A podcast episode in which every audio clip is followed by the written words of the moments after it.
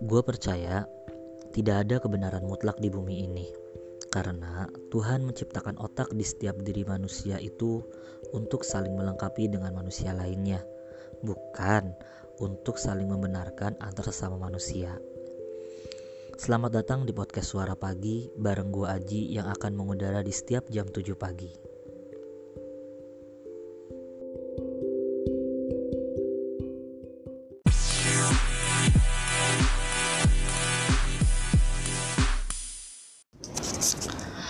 Halo, selamat datang di podcast Suara Pagi.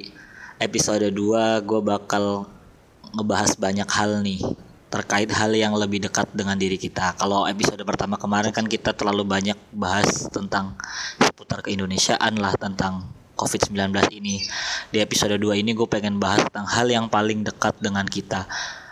Yaitu hal yang bagaimana telah mampu untuk uh, ikut andil dalam kehidupan kita dalam pembentukan karakter dalam pembentukan pola pikir juga sehari-hari nah bersama teman gue episode kali ini bakal ngebahas tentang lingkungan sosial ataupun ada beberapa hal tekanan-tekanan sosial yang sering kita alami dan justru itu mampu mendewasakan kita atau bahkan akhirnya mampu memberi pembelajaran kita terkait kehidupan-kehidupan yang cukup rumit ini. Nah, bareng siapa di sini? Halo. Hai. Kenalin dulu dong namanya siapa? Halo Aji, hai untuk uh, sahabat podcastnya aja apa biasanya panggilnya? Uh, biasa aja sih. Iya deh, kenalin nama gue Diva. Uh, sekarang gue masih kuliah untuk jurusan kedokteran tahun ke-6 di Cecang University, itu tepatnya di Cina. Wah, lama banget ya kita nggak ngobrol-ngobrol kayak gini ya, Div ya. lama, lama parah sih. Jadi udah hampir udah empat tahunan kayaknya. Udah hampir empat tahun. Lumayan ya.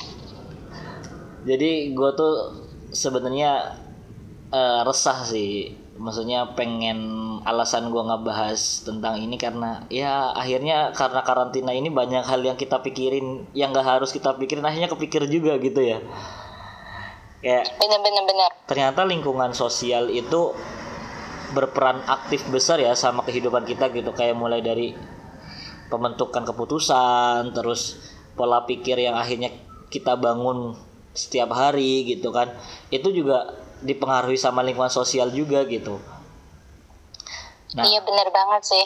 Nah alasan itu salah satu alasan gue kenapa gue ngajak ngobrolnya sama Diva karena menurut gue dari sekian banyak temen gue kayaknya Diva ini adalah salah satu orang yang anti mainstream gitu. Jadi uh, eh, gue pengen nanya-nanya banyak hal gitu dulu kenapa sih uh, lu akhirnya mutusin kuliah di luar negeri gitu? Oh pertama-tama sih pertamanya gini uh, pasti untuk kuliah untuk jurusan kedokteran pasti yang pertama kita selain otak ya selain persiapan otak itu persiapan uh, pundi-pundi yaitu uang. Soalnya kita udah pasti tahu kan kedokteran itu uh, pasti kuliah yang paling mahal untuk di Indonesia. Nah itu dia. Uh, ketika saya apa namanya uh, berkunjung ke beberapa kuliah di Indonesia itu biayanya itu cukup mahal. Jadi saya harus uh, memutar pikiran gimana saya bisa kedokteran dengan biaya yang lumayan murah. Terus singkat cerita ketika saya 3 SMA itu ada namanya uh, sosialisasi perkuliahan dan uh, sosi agen itu agen Cina yang yang apa dia uh, untuk mempromosikan untuk kuliah di Cina. Terus di sanalah saya tertarik karena kuliah di Cina itu termasuk murah di, uh, di antara Indone di antara perkuliahan di Indonesia. Hmm. dan beberapa saya beberapa teman saya juga saya pernah bertanya dari negara Iran dari negara uh, Thailand. Itu kenapa sih kamu mau kuliah di Cina? Jawaban pertama kali itu karena murah. Itu sih itu banget sih apa namanya standar banget sih sebenarnya oh, murah berarti, kayak gitu berarti memang apa ya kuliah kedokteran itu memang udah kayak plan awal gitu ya bukan akhirnya alasan mendasar gitu tapi memang emang udah dari awal pengen kedokteran cuma tinggal mau kedokterannya di mana kayak gitulah ya Nah, iya, iya betul banget. Hmm. Ini udah udah kuliah kedokteran terus tinggal pengen ke mana nih? Ya itu dia. Oh Kayak iya gitu. iya iya iya. Emang kadang eh, kalau ingat-ingat masa-masa itu tuh kadang lucu juga ya kayak waktu masa-masa kita habis kul- lulus SMA gitu mau mau ambil jurusan apa, terus mau kuliahnya di mana, univnya kayak gimana, Indonesia atau luar negeri banyak banget Bener banget. banyak banget pertanyaan Iya, bener pertanyaan yang banget. kayak gitu juga ya. Oke, oh ya BTW, gue ini kan nama Diva dulu satu SMA ya. Dan ya jadi cukup eh, apa ya ngerti lah gitu. Maksudnya kondisi Diva dan kondisi gue kan juga sama apa latar belakang dari pesantren gitu kan. Nah karena latar belakang dari pesantren itu kira-kira ada nggak sih social pressure ataupun tekanan sosial yang dirasakan ketika akhirnya lu mutusin oh ya oke gue ngambil kedokteran tapi kedokteran gue di Cina anti mainstream banget dong gitu. Ya pasti pertama kali keluarga besar yang tanya kenapa Cina? Cina itu negara non Muslim kenapa kamu berani ke non Muslim itu? Nah itu dia. Eh, karena itu kenapa saya berani memutuskan ke sana? Soalnya saya sedikit singkat cerita saya punya ada background untuk eh, pondok lah. Hmm, hmm. jadi seperti itu. Eh, udah ada background pondok. Terus menurut saya oke kayaknya saya bisa. Dan kebetulan ada kakak kelas saya juga kakak kelas pondok juga satu pondok juga yang sudah ke Cina. Dan beliau mengatakan iya bisa kok. Walaupun eh, pasti banyak-banyak yang harus kita pelajarin yang harus kita apa ya eh harus teliti lah harus soalnya kayak misalnya makanan tentang makanan tentang sholat itu kan pasti berbeda dengan negara kita yang udah ma- mayoritasnya udah muslim semua kan. Hmm. jadi mungkin lebih ke pressure-nya ke sana sih kayak tentang eh, hati-hati tentang agama kita di negara yang non muslim gitu sendiri sih mungkin kayak begitu. Ya, apalagi kan kalau semisal tadi ya lu sebutin bahwa emang lu kan juga punya keluarga yang backgroundnya juga background religius gitu dan pastinya kan kalau semisal dilihat dari sudut pandang yang sangat sempit gitu kan. Ini kita nggak bicara apa ya nggak kita nggak berbicara pola pikir yang luas ya kita coba berbicara. Karena tekanan sosial itu karena sebenarnya tekanan sosial itu muncul karena tek- eh, pola pikir pola pikir yang terlalu sempit kalau menurut gua. Nah karena benar benar benar benar. karena lu kan berbackground maksudnya kayak lu dilahirkan dengan eh, keturunan yang latar belakangnya emang religius punya punya pendidikan agama dan eh, apa namanya ada pendidikan juga gitu kan. Nah itu kan akhirnya justru ada nggak sih kayak udah lu eh, ngambil agama aja biar eh, bisa nerusin keluarga lah dan sebagainya karena itu sering banget lo dirasain sama banyak orang gitu dan itu kenapa sih akhirnya lu mutusin hal itu gitu Ah, ini gue ini gue cerita agak menjauh ke belakang gitu ya. Nggak apa-apa, Jadinya apa-apa, singkat cerita aja. itu eh, sebenarnya keputusan gue untuk mengambil kedokteran itu agak ditimbang-timbang oleh eh, ayah gue. Soalnya Hmm, kenapa? Jadinya iya itu benar kata lo tuh benar. Jadinya ketika ada jadinya gue itu udah punya pondok keluarga lah, yang pondok yang di pondok keluarga gitu. Terus saya gue tanya kenapa eh, kenapa Diva ini mau ke kedokteran terus nanti mau ke mana nih siapa yang nerusin pondok ini Iya, ada iya, kayak iya. gitu dan ternyata itu pondok itu pondok ataupun apa ya yayasan pendidikan itu kita tuh nggak hanya butuh tentang eh, nggak hanya butuh guru untuk mengajar Hmm. kita butuh banyak staff-staff Hmm. kayak untuk tentang perekonomian, tentang nanti tentang bendahara, sekretaris. Hmm. Nah, itu dia. Nah, salah satunya itu kenapa? Jadinya waktu itu di pondok gue itu ada anak sakit. Jadinya kayak kan mesti kan di pondok itu Hmm. mesti ada anak sakit. Nah, ketika anak sakit itu apa namanya butuh ke rumah sakit, itu eh, membutuhkan biaya yang lumayan lah. Padahal kan eh, pondok itu udah pasti banyak siswanya. Terus kalau ketika kita sering ke rumah sakit, ke rumah sakit itu butuh biaya banyak. Hmm. Dan dari situ bapak gue mikir, oh iya bener nih, gue butuh. Mesti kata bapak gue, ya kayaknya kita butuh uh, apa ya? Formasi kayak, lah ya uh, formasi baru keluarga lah, gitu ya. pemberontak baru. Iya, Hmm, iya, jadinya iya. kayak nggak hanya guru-guru aja nggak hanya tentang agama aja gitu. Iya iya ya iya, kayak iya. gitu sih. Yang kedua juga kakak gue yang udah diaman kan udah ngambil agama kan.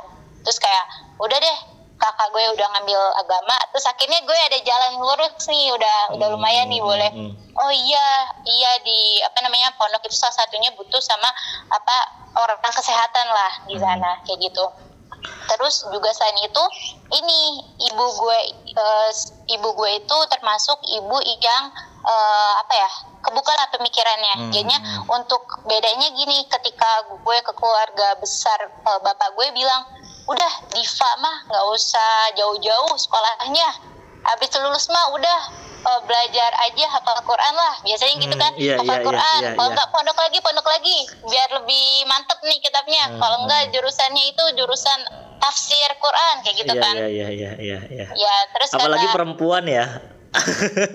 Iya soalnya perempuan perempuan. Iya, nanti iya. sibuk nih nanti kalau sibuk nanti eh, nggak ngurusin anaknya. Nanti begini nanti Iya, begini. iya, punya iya, pondok iya, siapa iya. yang menerusin kayak gitu kan. Terus kata ibu gue enggak nggak apa-apa eh selagi apa ya cewek. Ini cewek itu untuk sekarang itu bukan yang kayak hanya di rumah hanya apa namanya eh, istilahnya hanya mengurus anak enggak. Dia bisa dia punya berhak dia berhak untuk memutuskan cita-citanya dan berhak untuk eh, meraih cita-citanya. Itu Hmm, sih. hmm. jadi kayak terus akhirnya terus ibu gue jadi ibu gue yang bilang nggak apa-apa dia ke sana gitu. Soalnya terus eh, bebarengan juga kakak gue udah ngambil jurusan agama jadinya kayak ada yang backup lah jadinya ke backup Hmm, hmm. gitu. Jadi kayak sebenarnya Iya buat nangkal hal-hal yang seperti itu tuh sebenarnya cuman yang tadi gue tangkap ya sebenarnya hanya komunikasi yang transparan aja sih ya komunikasi yang transparan sama ya kita coba sama-sama melihat dari sudut pandang yang berbeda gitu ya. Karena benar banget benar banget. Karena hal ini tuh kayak masih banyak banget loh yang dirasain sama orang-orang di luar sana itu kayak udah eh, background gue keluarga gue ini semisal contoh nggak nggak nggak melulu tentang religi dah Eh, background gue PNS ya udah lu jadi PNS aja gitu. Ataupun udah lu eh, di guru udah lu di guru aja gitu sebenarnya. Jadi kayak akhirnya seolah-olah anak itu harus nur nurunin karirnya seorang orang tua dan sebagainya kan kayak gitu. Tapi ketika semisal ketika semisal apa namanya kita buka komunikasi kan kadang anak juga punya keinginan sendiri ya anak juga punya keinginan sendiri dan kita punya hak juga untuk memutuskan kira-kira cita-cita kita apa dan sebagainya. Dan dengan komunikasi yang transparan dan coba melihat dari sudut pandang yang berbeda sebenarnya clear-clear aja sih ya Iya sebenarnya sebenarnya awalnya itu dari dari kita. Misalnya kita pengennya ke mana nih? Kita udah bener-bener nggak pengen ke sana. Terus eh, terus udah misalnya kita udah benar ya udah kita tinggal komunikasiin mah aku pengen ke sini. Terus nanti misalnya ada pembantahan tapi kayak gini. Tapi aku bisa kayak gini jadinya itu seberapa kita eh, apa ya seberapa kuat keinginan kita untuk meraih itu sih komunikasi kayak dua gitu. arahnya sih yang kuat akhirnya Komunikasi. akhirnya dari dari komunikasi itu ada diskusi ada dialog yang akhirnya apa ya bukan keputusan gua bukan keputusan orang tua tapi keputusan tengah-tengah gitu lah ya akhirnya sama-sama bersamaan Iya iya iya iya bener. Jadinya akhirnya eh, gue mikir kayak gini, emang orang tua kita yang kayak melahirkan kita, terus habis itu eh, apa memberikan kita pendidikan. Cuman the ending kita bakalan ini hidup kita gitu. Hmm. Misalnya kita nggak suka, terus siapa yang mau disalahkan? Itu sih. Hmm, Jadi kita hmm. harus apalagi di usia kita yang yang emang sih kalau pengen masuk SMA kan udah 18-an kan. Hmm, Nah, hmm, gue udah bisa berpikir, gue pengen punya gue pengen punya cita-cita ini nih. Hmm. Nanti kalau misalnya gue ikutin orang tua kayak pengen guru aja, terus nanti kalau gue kesel sama cita-cita gue, gue kesel sama hidup gue, terus siapa yang mau disalahin kan? Jadinya mendingan Iya itu mendingan kita berani komunikasi, kita ngeliat jalan tengahnya. Misalnya kalau ada eh, ada apa ya, ada yang per- dipermasalahkan, kita lihat nih jalan tengahnya kayak gimana kayak gitu. Karena Singkat memang cerita juga ya, aku, aku tambahin ya. Iya, Misalnya kan kayak bisa misalnya aja. aku backgroundnya kan eh, pondok, Iya. terus apa lagi aku punya pondok keluarga, tapi aku ke Cina gitu kan. Hmm, hmm. Terus eh, selain aku menguatkan itu, aku bilang di Cina itu ternyata ada komunitas PCINU se-Cina. Jadinya walaupun kita Hmm. misalnya eh, apa namanya belajarnya umum, tapi tetap ada komunitas Islam lah di setiap hmm, kotanya hmm, hmm. di kota Cina gitu.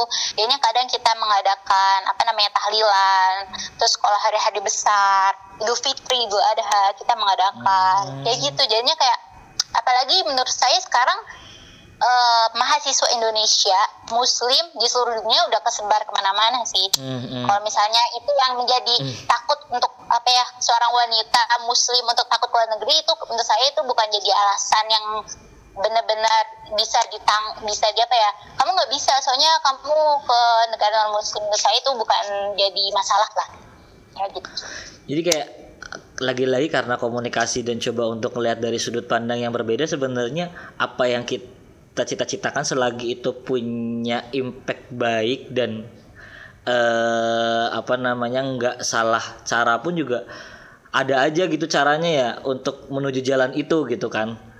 Kayak ada Iya, aja iya, benar, benar. ada aja orang baik yang eh, mau bantu contoh semisal ataupun ada nggak ada aja lingkungan yang memang menjaga kita gitu. Iya menarik benar. menarik menarik coba kita kembali ke topik nih. Nah kan tadi kan udah ngebahas tentang eh, apa namanya eh, perjalanan dari awal dan sebagainya apalagi seka- nah sekarang kan kita udah di tahun ke-6 ya. Kira-kira berapa tahun lagi sih? Kira-kira ke- di Cina sampai Oh. tahun berapa? Tahun ke berapa? Prediksinya 2023 masih lama ya? Tiga tahun lagi lah ya tiga tahun lagi oke. Ya tiga tahun lah. Nah, eh, berarti kan ibarat udah 50% ke atas lah ya, tinggal berapa persen lagi di sananya gitu kan. Berarti udah ngerasain iya iya udah ngerasain dominan lebih lama di Cina gitu kan. Kira-kira eh, masih ada nggak sih pressure-pressure yang eh, dialamin sekarang gitu? Contoh semisal kayak tekanan karir, lu eh, kan banyak tuh. Kayak sebenarnya tekanan sosial itu kan setiap fase kehidupan itu kan nggak pernah berhenti ya. Kayak waktu Benar, mau benar. kuliah eh, tekanan harus kuliah kayak gini gini gini ketika misalnya kita udah mutusin tekanannya akhirnya tekanan karir gitu kan kayak lalu di Cina harus akhirnya eh, lingkungan punya ekspektasi tinggi sama lo dan sebagainya ataupun eh, apalagi kondisinya kayak gini gitu kan. Ada nggak sih kayak eh, social pressure yang lo alamin dengan kondisi saat ini gitu? Eh gue percaya setiap langkah satu langkah lebih jauh eh, hidup manusia itu pasti ada aja pressure-nya, ada aja hambatannya. Itu yang pertama. Yang kedua eh, pastilah pasti ada. Jadinya pressure terbesar sekarang itu ketika eh, lulusan luar negeri kedokteran pulang ke Indonesia itu nggak mudah sih. Hmm. Itu harus banyak penyetaraan penyetaraan gitu kan dan lagi ketika kita kadang ketika kita apa namanya kita penyetaraan itu dengar-dengar kata kakak kelas sih. Katanya mungkin mungkin ada salahnya banyak salahnya dari cerita ini. Mungkin ketika kita penyetaraan itu kan kita kayak harus kembali eh, belajar lagi kan sama anak Indonesia gitu. Kadang kayak karena pelajaran yang berbeda kayak ada rasa mungkin kitanya kayak agak minder nih. Oh orang Indonesia kan sesuai nih pelajarannya Iya, sesuai iya. dengan apa yang akan diuji kan. Iya, kita iya, agak beda nih. Terus kita agak minder. Wah kayaknya ini gue agak sulit nih. Harus lebih mengejar. Hmm. sedangkan orang Indonesia hanya cukup jalan udah bisa eh, udah bisa lulus. Sedangkan anak-anak yang luar negeri itu kan harus tetap ngejar. Soalnya materinya penyakitnya berbeda. Kayak gitu sih. Berarti pressure pressure itu kayak gitu. Cuman eh, terus habis itu selain itu misalnya kayak kakak kelas gue yang akhirnya apa memutuskan habis lulus itu dia eh, pergi apa belajar melanjutkan ke Amerika atau melanjutkan ke Thailand. Wah gue juga pengen lagi nih. Jadi kayak kayak pengen ke sini ke sini tapi pastinya susah kan. Iya, iya, kayak iya, gitu iya. kan. Ta- tapi gue kembali lagi ke diri gue. Jadinya kayak eh, kadang pressure yang kita rasakan itu jangan terlalu kita pikirkan sih.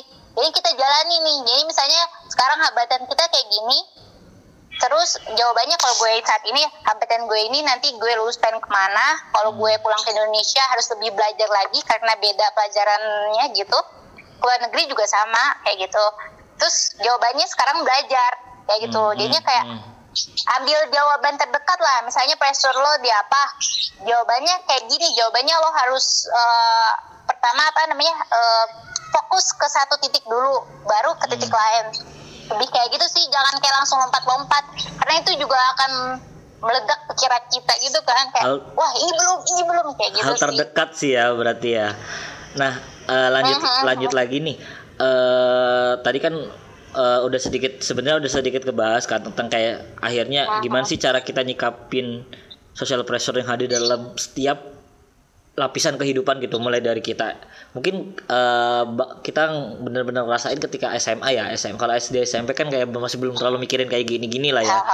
Kayak SMA mau ke kuliah terus kuliah mau ke kerjaan karena gue juga kan sekarang sebenarnya kayak lagi banyak banget pressure yang social pressure yang lagi gue rasain juga kan kayak habis habis eh, tahun ini lulus atau enggak kondisinya kayak gini terus habis ini mau maksudnya apalagi eh, buat eh gue yang dan teman-teman gue yang di tahun keempat kuliah di Indonesia tuh kayak ngerasain hal yang lebih berat sih. Kalau dulu SMA kan tujuan lu jelas gitu. Lu kalau nggak kalau nggak kuliah kerja ataupun kalau kita backgroundnya pondok mau mondok mau kuliah atau mau kerja kan kayak gitu ya. Itu udah udah udah jelas Iya, iya, banget gitu. Dan dan resikonya pun nggak nggak terlalu besar karena mungkin di fase itu kita masih ditumpu sama keluarga dan sebagainya gitu. Dan kondisi gua kayak gini gua udah agak sedikit cerita juga ya misalnya eh, karena kondisi kayak gini kan apalagi pandemi kayak gini kan ya. Nah eh, abis ini mau ke mana ya? Mau langsung kerja atau mau S2 kayak gitu kan. Terus pertanyaannya mau kerja mau kerja yang kayak gimana gitu. Mau mau coba masuk ke birokrasi kah atau mau masuk ke industri kah atau mau usaha kah? Itu kan sebenarnya kayak akhirnya eh gue yakin khususnya untuk mahasiswa-mahasiswa tingkat akhir itu kan akhirnya lagi di masa-masa fase-fase lingkungan menekan kita semua gitu kan. Nah, akhirnya iya benar-benar gimana sih cara nyikapin dengan kondisi seperti ini gitu? Kegalau kegalauan yang tidak pernah usai Iya, kegalauan-kegalauan yang tidak pernah usai dan ditambah lagi dengan tekanan-tekanan sosial lu harus kayak gini, misalnya kayak ah, lu sarjana ya, sarjana kan harus kerja di kantoran lah dan sebagainya gitu.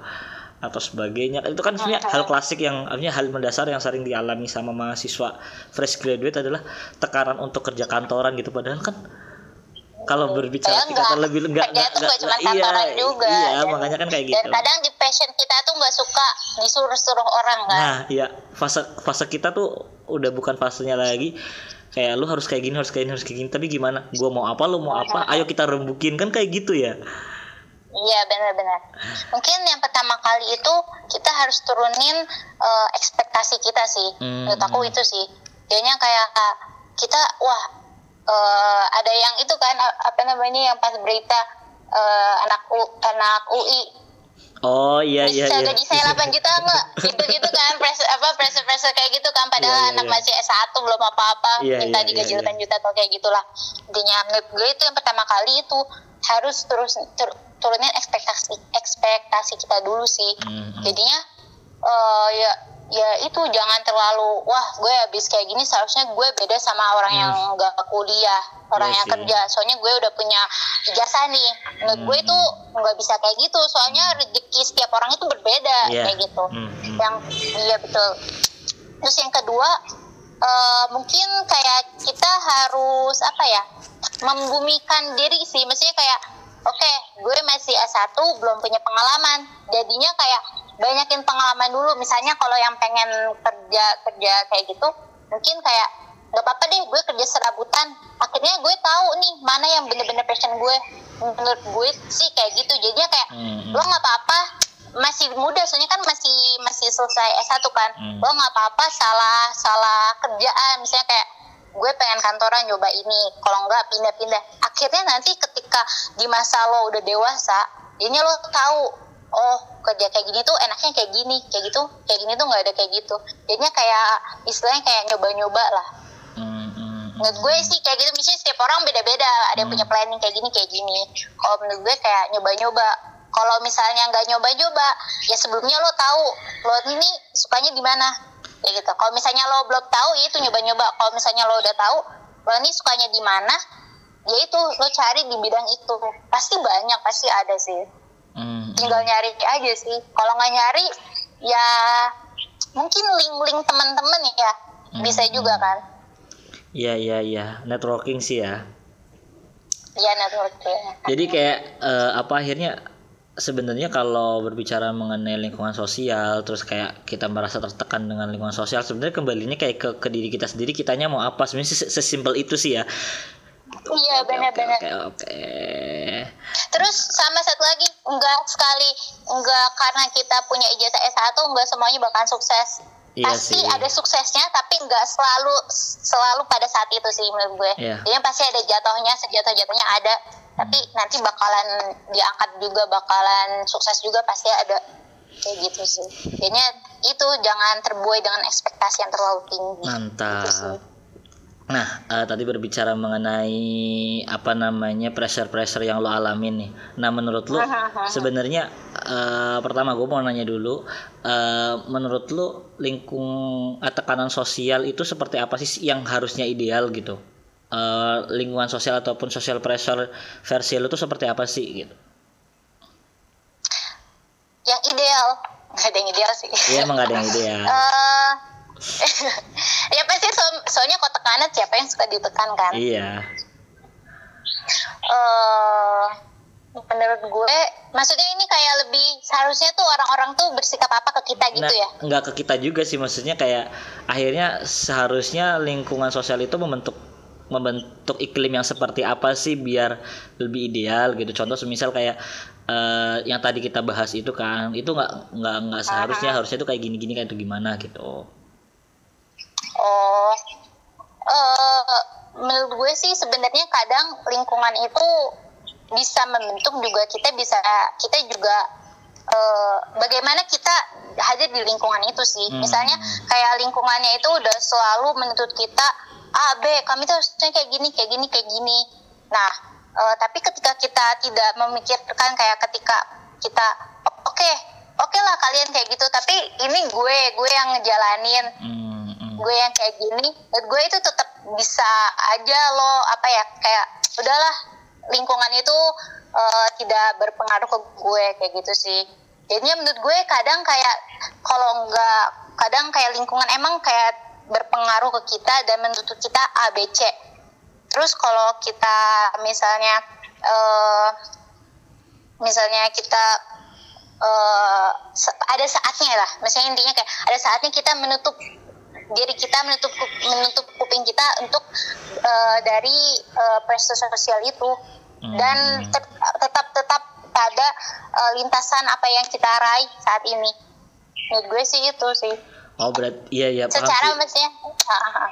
maksudnya mungkin gue juga masih yang kuliah yang belum pengen kerja ya jadinya Iya. masih kayak oke gue masih ulangan ini ulangan ini juga belum tentu parah. mungkin Iya, berbeda iya, nanti iya. kalau gue pengen lulus ya Berarti eh, iya sih, gue juga gue juga sepakat sih sebenarnya kayak harusnya lingkungan sosial itu di- bukan dijadikan sebagai patokan sih, tapi hanya sebagai pertimbangan karena kita juga butuh referensi juga kan ya. Kayak lingkungan sosial nggak nggak iya, melulu betul. menjadi kayak oh lingkungan sosial berkata ini harus ini, lingkungan sosial berkata ini harus ini. Enggak, tapi dengan lingkungan sosial yang terbentuk itu bisa menjadi peluang kita untuk menjadi pertimbangan ataupun referensi baru atas mungkin ya namanya manusia ya tingkat keegoisannya sangat tinggi gitu kan ya. benar-benar. Cuman ya itu kita harus benar-benar harus bisa buat track jalan kita sendiri. Jadinya Hmm. lingkungan sosial kayak lo itu kurang ini. Terus ya, oh iya gue kurang ini. Oke. Tapi lo ini kayak gini menurut gue enggak sih. Gue udah benar oke di jalan. Kayak gitu sih. Oke oke oke oke. Nah lanjut nih. Kalau tadi berbicara mengenai ideal yang lo rasain tentang perempuan nggak nggak melulu sesempit itu gitu. Nah menurut lo mana perempuan berdaya itu seperti apa sih? Maksudnya perempuan yang eh, yang tadi lo jelasin di awal gitu bahwa perempuan tuh nggak selalu eh, di rumah aja dan sebagainya. Nah sebenarnya men- makna perempuan versi lo tuh gimana sih? Gitu. menurut gue perempuan itu eh, untuk saat ini dan untuk yang di generasi kita ya perempuan itu udah bisa bisa untuk pemilihannya memilih hidupnya itu udah bisa setara dengan laki-laki. Dalam artian eh, dia bisa memilih apa yang dia inginkan apa yang dia cita-citakan. Dia bisa memilih pekerjaan apa yang dia inginkan bahkan dia bisa menjadi bos direktur. Menurut gue bisa kayak gitu. Itu bisa sebebas itu seharusnya kayak gitu. Dan emang bisa kayak gitu terus pasti orang pa- pasti berkata lalu bagaimana dengan keluarganya? Bagaimana dengan anaknya? Eh, menurut gue untuk apa ya jadi perempuan menjadi seorang ibu itu udah ada dalam naluri naluri dalam hidupnya sih. Ya setiap perempuan itu uh, pasti ada naluri untuk menjadi ibu. Suatu saat mungkin pada saat muda ini antara 25 26 pasti dia yang kayak hardworking banget kan, kayak mati-matian untuk, untuk uh, mencari uang ataupun untuk menaikkan tingkatnya lah. Hmm. Tetapi pada saatnya itu dia akan butuh keluarga dan dia akan bisa uh, apa namanya? bisa untuk mengurus keluarganya. Dan menurut gue yang sama kayak pertanyaan yang selalu ditanyakan ke Najwa Shihab sih. Mbak Najwa Mbak, Mbak ini milih jadi karir atau jadi ibu rumah tangga? Terus Mbak Najwa bilang kenapa kenapa selalu ada pertanyaan seperti itu? Itu yeah. tidak adil ketika laki-laki ditanya e, bapak ini menjadi ayah atau menjadi pekerja? Tidak adil seperti itu. Menurut gue sih kayak gitu. Hmm. dan jadi cewek itu menurut gue harus mandiri sih Hmm. Walaupun akhirnya dia nanti bakalan punya suami yang bertanggung bertanggung jawab ke dia, tapi jadi cewek itu harus mandiri. Nah, gue iya, iya. cewek yang ideal kayak gitu sih. Sepakat sih. Bisa menentukan apa yang dia inginkan dan dia bisa uh, uh, mandiri atas apa yang dia inginkan juga. Uh, gue juga sepakat sih, Div. Akhirnya kata mandiri pun menurut gue beberapa segmen masih kayak terlalu sempit berbicara mengenai mandiri kadang kayak oh mandiri berarti bisa nyari duit gitu. Kan mandiri itu nggak melulu tentang finansial ya kadang mandiri berpikir pun nggak nggak semua orang bisa dong. Nggak semua nggak semua orang punya uh, kemampuan untuk mandiri dalam berpikir gitu. Nggak nggak nggak nggak harus perempuan. Laki-laki pun juga masih banyak kok kayak dia masih belum mandiri dalam uh, berpikir dan sebagainya gitu. Dan menurut gua itu langkah-langkah yang memang harus di miliki sama perempuan sih kayak mandiri dalam berpikir. Karena tuh dia juga kalau misal untuk di rumah tangga pun juga dia juga ikut andil dalam mengambil keputusan dan sebagainya kayak gitu kan. Jadi kayak kalau semisal iya, semua ya, betul banget, betul kalau semua apa kata apa kata laki-laki kan akhirnya ya udah gitu terbungkam gitu kan. Hmm. itu dia menurut gue kayak gini. Apa uh, perempuan itu uh, punya mereka itu punya satu hak bicara apa yang diinginkan kayak gitu. Apalagi yang tadi lo bilang tentang apa ketika dia punya suami ya itu dia uh, apa namanya dia boleh dia juga punya andil dalam itu.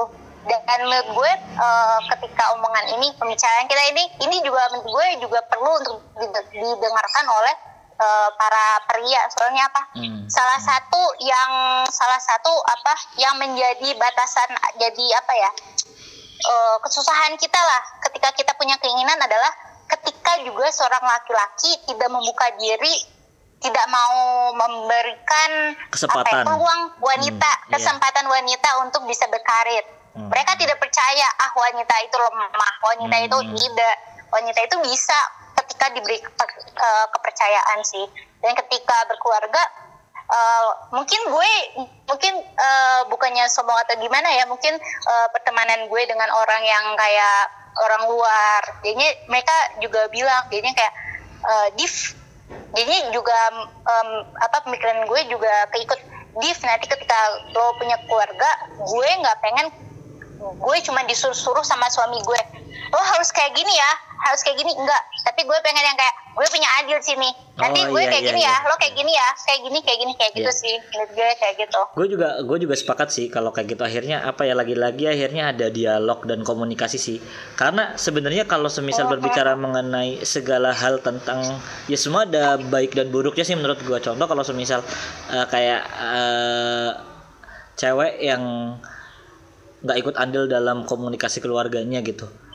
Akhirnya ya semua permasalahan apa pun itu ya ditanggung sama laki-laki gitu. Tapi ketika semisal ada dialog dan sebagainya justru itu sebenarnya menguntungkan. Akhirnya semua permasalahan bisa dilaksanakan bersama kan kayak gitu kan ya? Iya benar benar benar benar. Lagi-lagi komunikasi sih. Akhirnya maksudnya transparansi komunikasi antara kalau tadi berbicara awal pressure di awal-awal transparansi komunikasi dengan orang tua dan untuk di masa depan ya kita harus transparan dengan semuanya orang komunikasi iya iya kayak gitu. Oke oke oke. Nah terakhir nih di di segmen dan dan iya bentar-bentar dan mungkin kalau ketika tadi kita kita belokin misalnya kayak kekeluargaan gitu ya hmm. mungkin para cowok bakalan agak takut nih ketika ceweknya punya pendidikan yang tinggi ketika ceweknya mau sekolah ketika ceweknya mempunyai kedudukan yang tinggi. Enggak sih pasti di kemandirian cewek ataupun semandiri mandirinya cewek pasti dia butuh seorang laki-laki. Yang Hmm. penting dia percaya diri nggak? Sebenarnya itu. Sebenarnya kayak kalau untuk cowoknya lo percaya diri nggak? Kalau lo kayak gini tapi gue kayak gini kayak gitu. Hmm, hmm, hmm. tapi juga maksudnya cewek itu kayak bukan kayak pengen ngerendahkan enggak sih menurut gue. Pasti ada sisi di mana eh, walaupun misalnya laki lo kayak gini pasti ada sisi dia menghargain sih. Hmm, hmm, hmm. Oke, untuk terakhir nih Div buat segmen ini eh, harapan untuk perempuan Indonesia dengan segala sosial pressure-nya kira-kira apa sih harapannya gitu? Karena di setiap episode eh, podcast gua selalu pengen kayak ada pesan apa sih yang bisa disampaikan gitu di akhir seksi gitu. Ya gue cuma pengen perempuan di Indonesia itu jangan takut untuk terus belajar, terus memimpin ataupun ya itu me- apa meraih apa yang dia cita-citakan. Soalnya kita itu bisa, kita itu bisa, kita itu eh, apa ya? Ya sih itu aja sih.